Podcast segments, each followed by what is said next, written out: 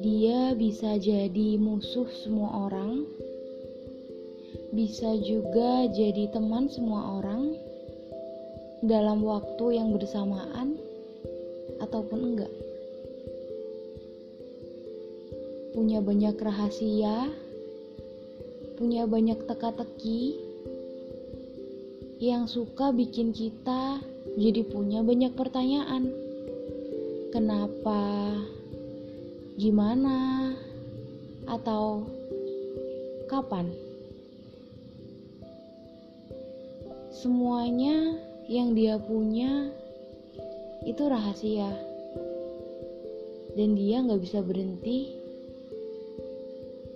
kecuali kalau baterainya lagi habis. Tapi waktu yang kita kenal di sekitar kita gak cuma ada di jam dinding atau jam waker. Tapi kejadian yang kita lihat sehari-hari juga terus digerakkan oleh waktu. Tapi waktu nggak bisa nyembuhin luka. Gak kayak yang orang-orang bilang. Waktu itu cuma ngasih jeda ke kita. Sejenis ngasih spare time yang bisa mengusahakan untuk menyembuhkan luka ya diri kita. Gak ada yang lain. Tapi orang-orang sering banget nyalahin waktu. Katanya waktu yang salah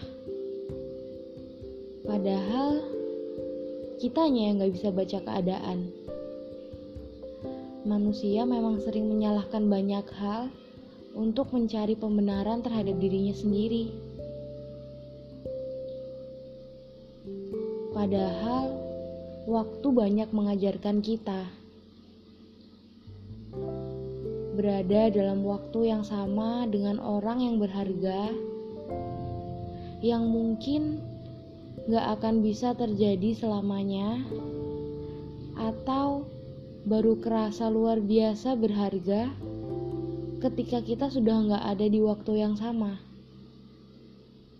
Ketika sudah nggak ada di cerita yang sama, baru deh kerasa. Waktu mengajarkan kita untuk menghargai, menyayangi, dan menjaga dengan lebih baik, dengan lebih tulus jadi seharusnya dia bisa jadi sahabat kita di setiap saat, di setiap keadaan. Karena kalau nggak ada waktu, kita nggak akan pernah tahu seberapa berharganya hal yang kita punya selama ini.